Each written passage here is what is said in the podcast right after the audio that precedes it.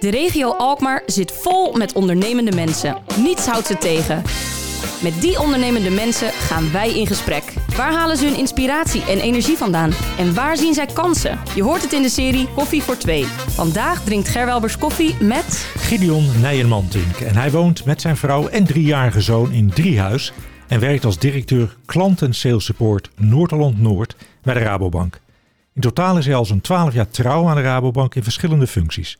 En daarnaast is Gideon gemeenteraadslid in de gemeente Velzen. En namens de Rabobank ook partner van Alkmaar Marketing. Gideon, welkom. Leuk dat je er bent. Um, je bent voor de eerste vertegenwoordiger uit de bankaire sector die we in deze reeks uh, hebben. Kijk eens aan.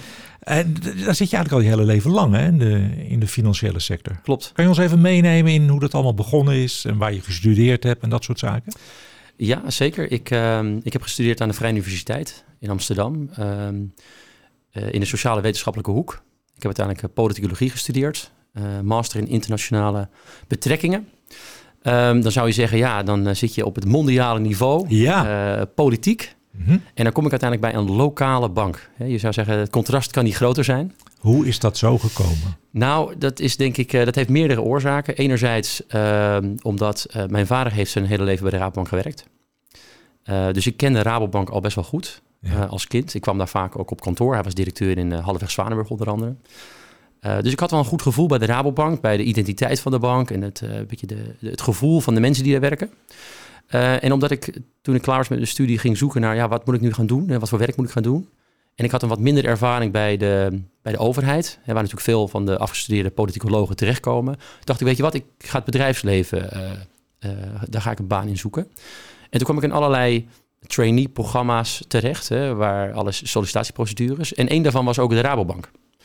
En uh, nou ja, toen speelde die achtergrond denk ik toch een rol. En, en je dacht niet van, nou dat ga ik zeker niet doen, want dat heeft mijn vader gedaan. Nou, mijn vader heeft ooit gezegd in 4 VWO, uh, jongen, je, je, moet doen wat je wil, maar ga alsjeblieft niet uh, bij de bank werken.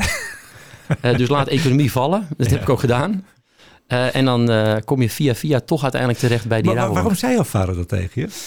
Ja, ik, misschien was het ook een beetje een grapje. Um, maar weet ik eigenlijk niet. Misschien dacht hij toch dat er toch uh, beroepen waren die uh, meer, meer bijdrage zouden kunnen leveren. Of ja, misschien meer aanzien zouden krijgen. Ik weet het niet. Mm -hmm. Maar je hebt, je hebt die keuze gemaakt voor de Rabobank. En ja. uiteindelijk, je zit er nu 12 jaar. Dus dat is geen verkeerde keuze geweest. Nee, ik ben tussentijds wel een keertje weg geweest.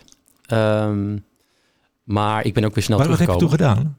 Ja, toen was ik een, een, tussenpersoon om mensen te detacheren binnen de financiële sector. Dus ik, ik, werkte eigenlijk bij een, ja, een, een bemiddelingsbureau, een detacheringsbureau voor de financiële sector. En mijn kennis van Rabo kwam toen heel goed van pas, omdat ik mensen moest interviewen die uiteindelijk dan daar terecht moesten komen. Mm -hmm. um, maar uiteindelijk was dat een, een iets te inhoudsloze rol. Uh, iets te oppervlakkig. En miste ik toch wel die inhoud, uh, die bankaire inhoud. En kon je toen ook makkelijk weer terug? Of? Ja, ja? ja, ja, het, ja. Het, het, punt is dat Rabo is zo'n complexe organisatie. Uh, niet alleen qua structuur, maar ook qua inhoud, processen, systemen. Dat je moet, het kost heel lang voordat je helemaal um, al die systemen hebt doorgrond. Mm -hmm. Dus dat betekent dat het heel moeilijk is voor tijdelijke krachten om daar bijvoorbeeld te werken. Is dat, is dat typisch iets van de Rabobank of zeg je dat is gewoon de sector waarin de Rabobank opereert. Dat is hetzelfde bij ABN AMRO of bij andere, bij nou. Dat, dat, is, dat is een deelsector, maar bij Rabo nog wel uh, extra. Dat heeft ook te maken met, uh, denk de coöperatieve achtergrond... en het feit dat wij natuurlijk bestonden uit honderden lokale banken... die samen één moeder hadden, Rabo Nederland. Uh, waardoor de systemen die we gebruikten toch altijd een... nou ja, voortkwam uit een enorm gepolder. constant werd gewijzigd. Um, op elkaar is gebouwd. een hoop legacy noemen ze dat tegenwoordig ja, dat, dat heeft het ook wel heel ingewikkeld gemaakt. Mm -hmm. Dus als er dan iemand komt met een profiel met, met Rabo-achtergrond...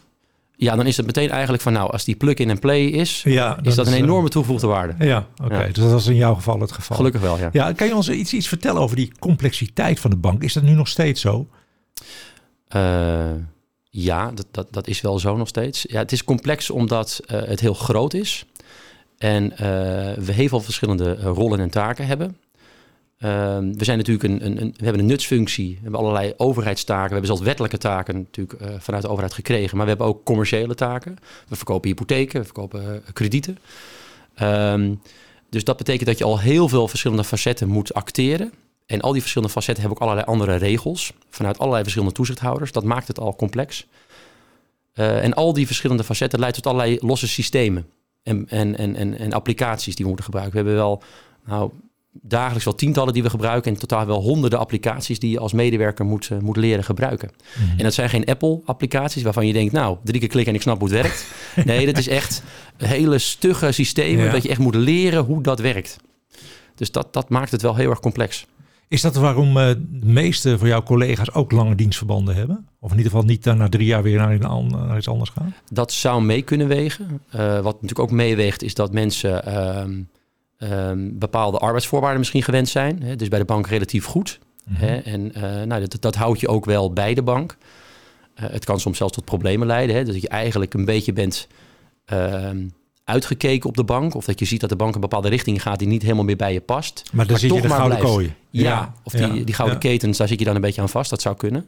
Dat is wel de afgelopen tien jaar veranderd. Hè. Sinds de crisis en arbeidsvoorwaarden echt wel anders geworden dan, dan daarvoor. Maar dat speelt ook wel mee. Mm -hmm. hè? En het, het, speelt ook wel mee dat je, nou, je snel van toegevoegde waarde bent met die achtergrond van Rabo. Ja. Nou zit je er twaalf jaar. Uh, wat ik zelf gezien heb in de, in de regio, of eigenlijk in, in Noord-Holland, dat er heel veel Rabobanken samen zijn gegaan of, samen, of veel kantoren zijn gesloten. Mm -hmm. uh, zijn het ook allemaal fusies geweest of hoe, hoe, wat is er gebeurd, zeg maar? Nou ja, we, we hadden natuurlijk een, een organisatie. Uh, een, zeg maar, wat langere tijd geleden, die bestond uit lokale banken. En die lokale banken hadden eigen bankvergunningen. Dus die waren voor de toezichthouder een eigen bank met een eigen vergunning. Um, dat betekent dat als twee lokale banken samengingen, bijvoorbeeld Herugewaard en Alkmaar, dat je ook een, uh, een juridische fusie kreeg, formeel, van twee banken die naar één bankvergunning gingen. En met alle papierwerk statutair die erbij hoorde. In 2016 is er eigenlijk een landelijke fusie geweest. Toen zijn alle Rabobanken met een eigen bankvergunning tot één bank gefuseerd. Oké. Okay, ja. uh, dat betekent dat je nog wel praat over lokale banken, maar dat ze formeel niet meer die, uh, die statutaire onafhankelijkheid hebben. Het zijn eigenlijk gewoon filialen geworden van ja. de Rabobank. Ja, we hebben ja. het zeg maar in de statuten wel opgenomen dat er bepaalde autonomie nog ligt. Maar dat is uh, puur in onze eigen statuten. En dat is niet meer bijvoorbeeld bij de KVK zo georganiseerd. Mm.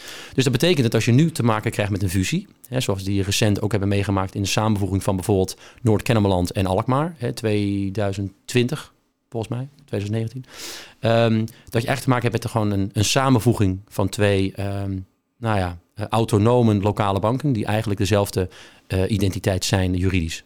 En die zijn nu gevestigd in Alkmaar? Ja, zo, ja? ja die, die zijn gevestigd in, in Alkmaar. En er zijn ook wel vestigingen nog in het werkgebied van Noord-Kennemerland. Maar de hoofdvestiging zeg maar is Alkmaar? Is toen Alkmaar geworden, ja. ja. Hoe belangrijk is Alkmaar als Rabobank uh, in de regio? En ook landelijk gezien, spelen we een rol? Uh, wat bedoel je precies met een rol spelen? Nou, zijn we belangrijk? Of zijn we eigenlijk een kleine bank in het totaal? Oh, op die manier. Ja. Um, nou, voor de beeldvorming uh, Rabobank Alkmaar, wat eigenlijk nu een, een kringbank is. Hè, dus zeg maar de, de oude werkgebieden van Rabobank Waterland, omgeving Purmerend. Uh, West-Friesland, de kop met Tessel erbij en Alkmaar, waar dan Noord-Kennemerland in zit. Dat gebied um, is nu eigenlijk één kringbank, één kringorganisatie van Rabobank. En die heeft een balanstotaal van iets van 4,5 miljard. Um, nou ja, dat is niet mega in het totaal hè, van -hmm. Rabobank. Dan hebben we het over een paar honderd miljard. Maar ook wel substantieel. Okay, hè, er werken gewoon een paar honderd mensen. Daar wordt uh, uh, ook best wel wat, uh, wat, wat geld verdiend. Wat terug gaat ook naar de maatschappij, naar Noord-Holland-Noord. Dus dat is, dat is zeker waardevol. Ja. Ja. ja. Nou heb jij verschillende functies gedaan. Hè? Ja. Je bent, nu ben je directeur van um, de, de afdeling klant en sales support. Ja. Vertel ons eens, wat houdt, wat houdt het in? Ja, dat is zeg maar de. Um, je zou kunnen zeggen dat is een beetje de hart van de organisatie. Uh, dus dat betekent dat alle commerciële collega's, dus dan kan je denken aan de, de accountmanagers die um, met uh, zakelijke klanten praten en die uiteindelijk financieringen willen verstrekken. Daar doen wij bijvoorbeeld de voorbereidingen van. Maken wij de offertes van. Doen wij de analyses van. Hè. Dus de teams waar ik verantwoordelijk voor ben, die zijn eigenlijk opgesteld ter ondersteuning van de eerste lijn mensen van de bank. Oké, ja. ja. En dan zit jij natuurlijk heel erg aan die voorkant, hè? Dat je, je, je weet veel. Dan moeten we het ook even over COVID hebben. Dat mm-hmm. heeft natuurlijk zeker voor ondernemers nogal wat gevolgen gehad. Klopt, klopt. Hoe, hoe, kijk jij naar de toekomst? Denk je dat we daar nog een staartje van mee gaan krijgen? Ja, dat, dat is best wel ingewikkeld, uh, Ger. Want um, deze, deze vraag is zeg maar, het afgelopen jaar meerdere keren gesteld. Mm-hmm. En elke keer was, was het antwoord... Um, de klap is nog niet gekomen, maar hij gaat nog komen. Uh, het lijkt erop alsof die klap bijna niet gaat komen. Mm-hmm. Gek genoeg. Dus we dachten... Ehm, het is allemaal uitgesteld. Ja. Er wordt allemaal door de maatregelen van de overheid zijn natuurlijk alle, alle personeelsleden betaald, is er compensatie geweest, et cetera. Ehm, en er zijn allemaal schulden opgebouwd, maar die klap gaat nog een keer komen. Nu lijkt het alsof de economie zo hard aantrekt en die bedrijven zo een vlucht vooruit nemen. En ik heb het over algemene dingen, hè, want er zijn altijd individuele gevallen die slechter gaan dat, dat ze misschien wel de draagkracht uh, uh, realiseren om zeg maar niet meer in de problemen te komen. Uh, waardoor de dip dus eigenlijk uiteindelijk een stuk, stuk minder hard is dan, dan eerder gedacht. Mm -hmm. los van inderdaad die individuele bedrijven die natuurlijk er, er zijn. Hè, ja. Die we ook zien binnen de bank. Want we horen natuurlijk alleen maar in, eigenlijk in alle sectoren tegenwoordig een enorme vraag naar, naar personeel. Ja. He, overal zijn er tekorten en et cetera. Is dat ook zo'n signaal dat die economie eigenlijk op dit moment weer volop draait?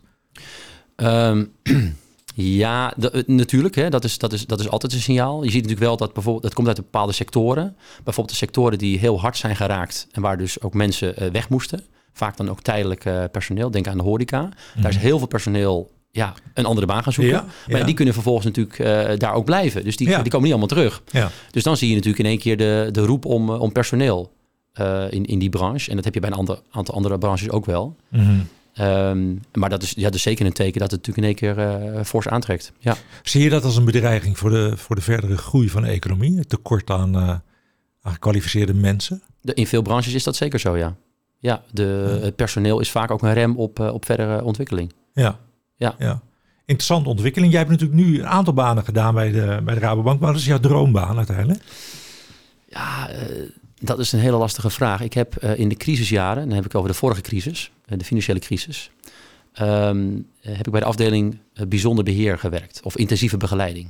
Dat, um, daar is ook wel veel over ge, gezegd en geschreven destijds, omdat dat werden soms ook slagers genoemd. Hè, want die zouden dan heel ruksigloos ja. de ondernemer van zijn regie afnemen en alle assets van het bedrijf verkopen. Want je kwam, je kwam bij jou terecht op het moment dat je betalingsproblemen had. Ja, of je, ja, ja op het moment dat je, dat je zeg maar een kwetsbare continuïteit kreeg, ja. dan kwam ik uh, in beeld. Op het moment dat er echt een dreigende discontinuïteit kwam, dus echt een, een faillissement aanstaande is, dan, dan werd het natuurlijk de, werd het intensiever de gesprekken. En dan ging de bank ook meer een beroep doen op de, nou ja, de overeenkomsten die we getekend en de, en rechten uit de contracten die we hadden afgesproken. Um, en ondanks dat dat een periode is waar ook een hoop is misgegaan en ook een heel veel van is geleerd, was het voor mij wel een hele betekenisvolle periode. Omdat ik uh, nou ja, uh, uh, een bijdrage kon leveren aan het nou ja, turnaround brengen van bedrijven in de problemen en ondernemers in de problemen. Want wat natuurlijk vaak gebeurt is als een bedrijf failliet gaat, gaat niet alleen het bedrijf failliet, maar vaak ook de, de, de ondernemer erachter. Want die is vaak natuurlijk met zijn hele hem en houden mee verbonden. Ja. Denk aan zijn, uh, uh, zijn eigen spaargeld, zijn privéwoning. Uh, en ja, als je kan, kan meewerken om dat te voorkomen en, en, en zo'n turnaround kan bewerkstelligen, ja, dat is super bevredigend werk en dat heeft mij heel veel energie gegeven.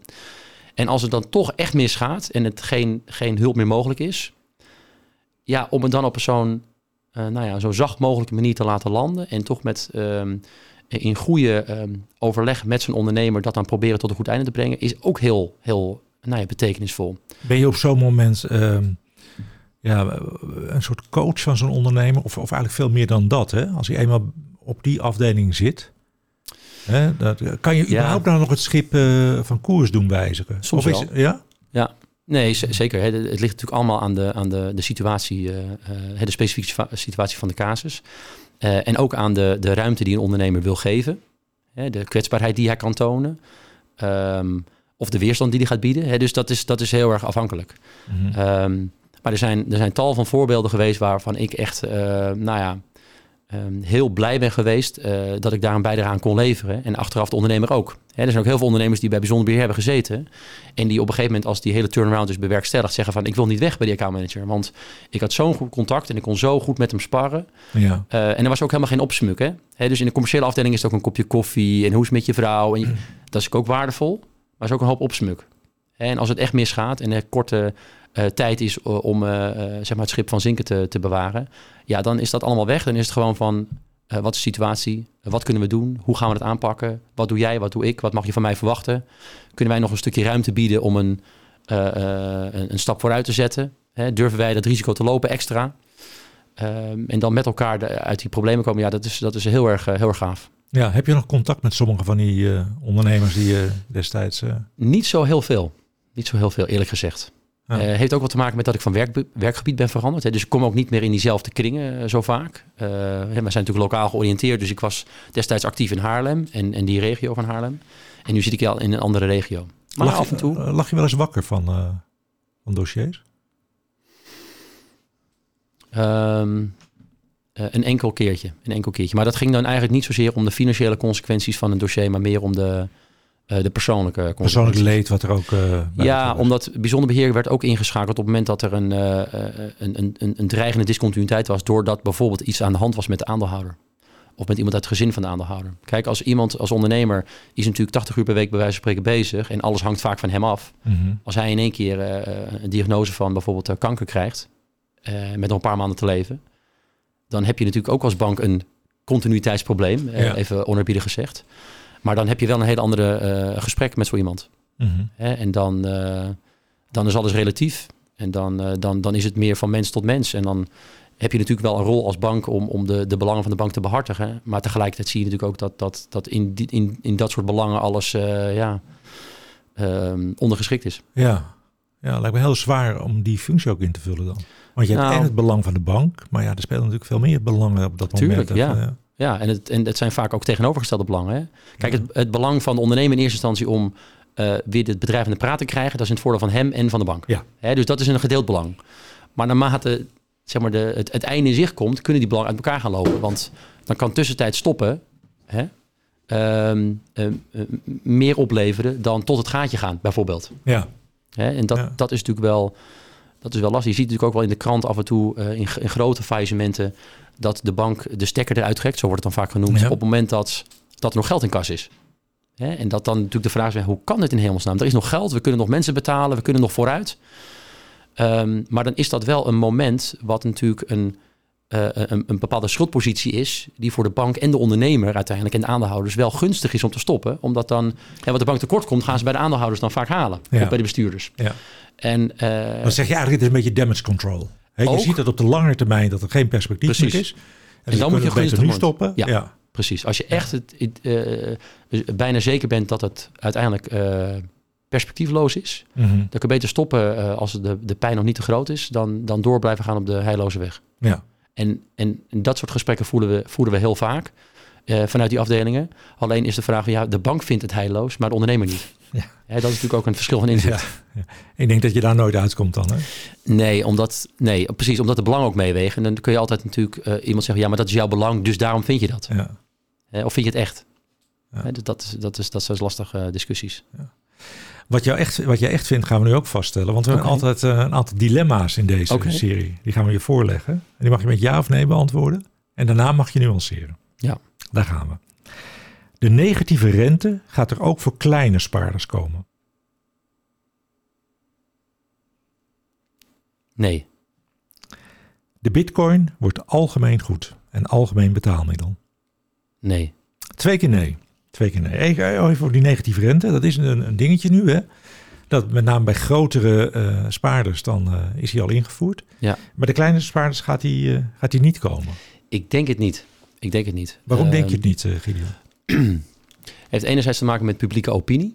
Hè, dus de, de keuze om, om zeg maar, hè, nu is het volgens mij op, op 100, vanaf 100.000 euro. Hè, dat Zoiets, was ooit ja. een miljoen, een half miljoen, nu is het een ton. Hè, dus de vraag is wel, eh, Waar, eh, eh, waar ligt die ondergrens? waar, waar ligt Ja. ondergrens? Maar kleine spaarders met een paar duizend euro, ehm, dat is, die hebben relatief zo weinig deel van het spaargeld in Nederland, dat het ook niet zo effectief is om dat te doen. Mhm. En hè, de publieke opinie om dat wel te doen, is ook iets wat banken tegenhoudt, denk ik. Dus ik denk niet dat het er zal komen. En als het er komt, denk ik niet voor Rabobank. Nee. Kan het er ook mee te maken hebben dat de, de bank uiteindelijk verwachten dat de, de rente weer gaat stijgen? Nee, dat heeft er niet mee te maken. Nee, ik, ik moet zeggen, ik weet dat niet. Maar ik heb niet het idee dat heel veel mensen denken dat op korte termijn de rente gaat stijgen. Ik denk dat de verwachting nog steeds is dat het op de eh, korte termijn nog steeds laag blijft. Ja, nou, dan hebben we toch weer nieuws in deze podcast. Hè? Dat, Ja, eh, nou voor wat het waard is hoor. Want eh, ik, ik, ik, ik weet niet meer dan de, dan de mensen die de krant lezen, denk ik. Maar, eh, en er is ook heel weinig eh pijl op te trekken. Ja. We hebben wel gezien dat natuurlijk voor COVID in Amerika de, de rente langzaam aan het stijgen was. Europa nog niet. ik weet ook dat er veel kritiek is op het beleid van de ECB vanuit de Nederlandse bank. Hè. Ehm, maar ehm, nee, ik, ik, ik, zie geen tekenen dat dat, dat nu op korte termijn okay. gaat, gaat, staan. Nou, dan gaan we daar ook niet verder over hebben. Ik vond het wel interessant wat je zei over de bitcoin. Ja. Hè, als als ja, crypto eigenlijk in zijn algemeenheid. Dat verwacht je niet dat dat een, een, een uiteindelijk een betaalmiddel gaat worden. Nou, het, het, het, het, is ook gewoon, ik heb daar weinig expertise over. Maar wat ik, wat ik wel zie is dat er is natuurlijk geen toezicht hè, mm op, op de bitcoin. En je ziet dat op, op het normale betalingsverkeer is enorm veel toezicht. Uh, sterker nog, er worden enorme boetes uitgekeerd als dat toezicht niet goed genoeg wordt gedaan. Hebben we gezien hè, bij ING, ABN en ook Rabo soms onder de loep. en het, het nadeel van geen toezicht is dat het verkeerde type mensen aan aan, aantrekt. Ja. ja. maar je ziet natuurlijk dat wat er wordt er van bitcoins ook betaald. Hè, naast dat het natuurlijk ook heel veel positieve dingen heeft. Losgeld. Losgeld bijvoorbeeld, maar ook wapens, drugs wordt afgerekend via bitcoin. want het is niet te traceren wie het heeft gedaan precies. Je kan jezelf anoniem wanen. En dat is nou precies wat we natuurlijk in de transparantie van het, het, het normale betalingsverkeer willen vermijden. Dat mensen weg kunnen komen met nou ja, de verkeerde zaken. Mm -hmm. En, en het feit dat je geen toezicht hebt, is juist ook een van de prees van uh, Bitcoin. Dus, dus dat willen ze natuurlijk ook nooit gaan invoegen. Dus ik denk dat de kracht van Bitcoin vooral de techniek is.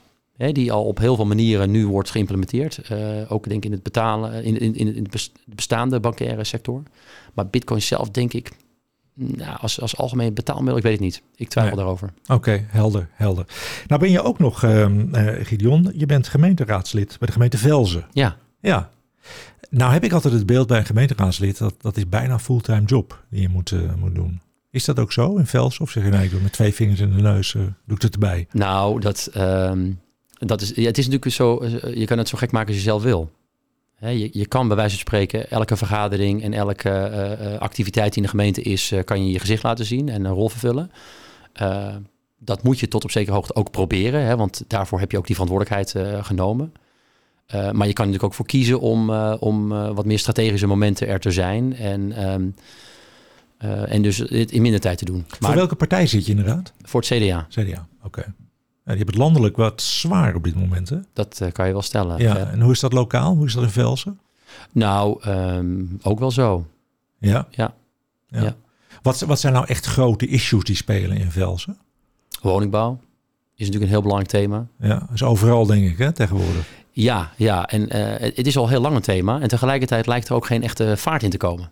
Hè, dat heeft natuurlijk ook heel veel, uh, veel vakanten. Maar, uh, maar woningbouw is een heel, heel belangrijk thema voor Velzen. Mm -hmm. Maar tegelijkertijd is bijvoorbeeld de regionale energiestrategie een belangrijk thema. We zien natuurlijk dat er allerlei plekken zijn aangewezen waar windmolens en zonneweiders moeten komen. Dat is natuurlijk impactvol. Uh, sowieso gezondheid is een breed thema. Ook in het licht van Tata Steel bijvoorbeeld ja. uh, in onze gemeente. Heel actueel nu hè? Heel actueel ja. zeker. Daar, ja. uh, daar, is volgens mij een wethouder deze week over opgestapt in Beverwijk. Mm -hmm. um, gezondheid, vitaliteit is belangrijk. Milieu. We hebben een milieuakkoord gesloten. Een klimaatakkoord beter gezegd. Um, dus je ziet wel dat die, dat die verduurzamingsthema's, die milieuthema's en gezondheidsthema's, dat dat wel echt een, een, een belangrijke aandacht krijgt nu in gemeentepolitiek. Ligt je hart daar ook bij dat soort thema's? Ja, ja. ja ook wow. wel. Nou, nou, nou ligt mijn hart in, in, bij maatschappelijke thema's in brede zin hoor. Mm -hmm. En dat is ook wel uh, wat ik mooi vind aan Rabobank. Um, uh, en natuurlijk uh, moet ik meteen zeggen, Rabobank is zoekende. Hè? Wij zijn natuurlijk ook een, ook een reliquie uit een andere wereld. We komen uit de 19e eeuw. We zijn met een bepaalde ideologie opgegroeid. Dat kan je ook een beetje zeggen over het CDA. Dat is toch een traditionele uh, uh, manier van, van, van politiek bedrijven en een traditionele manier van kijken naar gemeenschappen. terwijl het, ehm, het, het discours ondertussen um, wel, um, wel anders is. Ja. En, moet je eigenlijk opnieuw uitvinden? Je moet jezelf opnieuw uitvinden. Ja. Je moet ook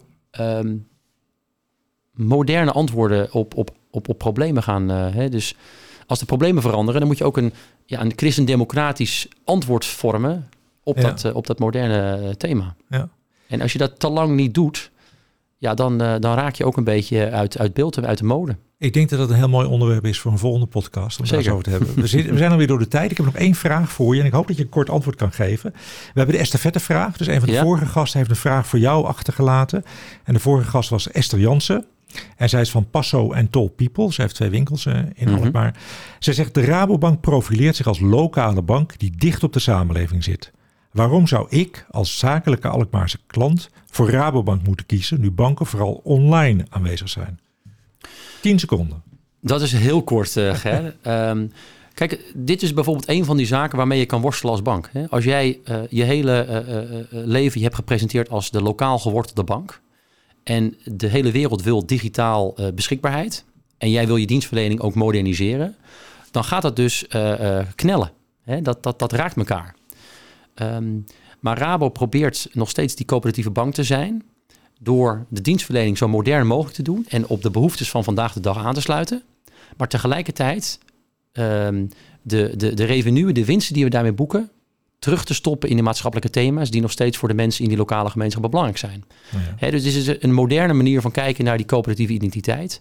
En dat zou uh, iemand ook in Alkmaar, die waarschijnlijk vooral vanuit de digitale kanalen bediend wil worden, en dat ook bij Rabobank als een van de beste kan, die kan ook mee profiteren van die winsten die terugvloeien in die Alkmaarse maatschappij en economie vanuit Rabobank. Dat is een mooi antwoord voor Esther. Ja, Gideon, dankjewel. Dankjewel voor de komst ook deze keer. En graag uh, tot de volgende keer. Graag gedaan. Je luisterde naar Koffie voor Twee. Dank voor je aandacht en graag tot de volgende keer. Koffie voor Twee is een samenwerking tussen Halstad Centraal en Alkmaar Marketing.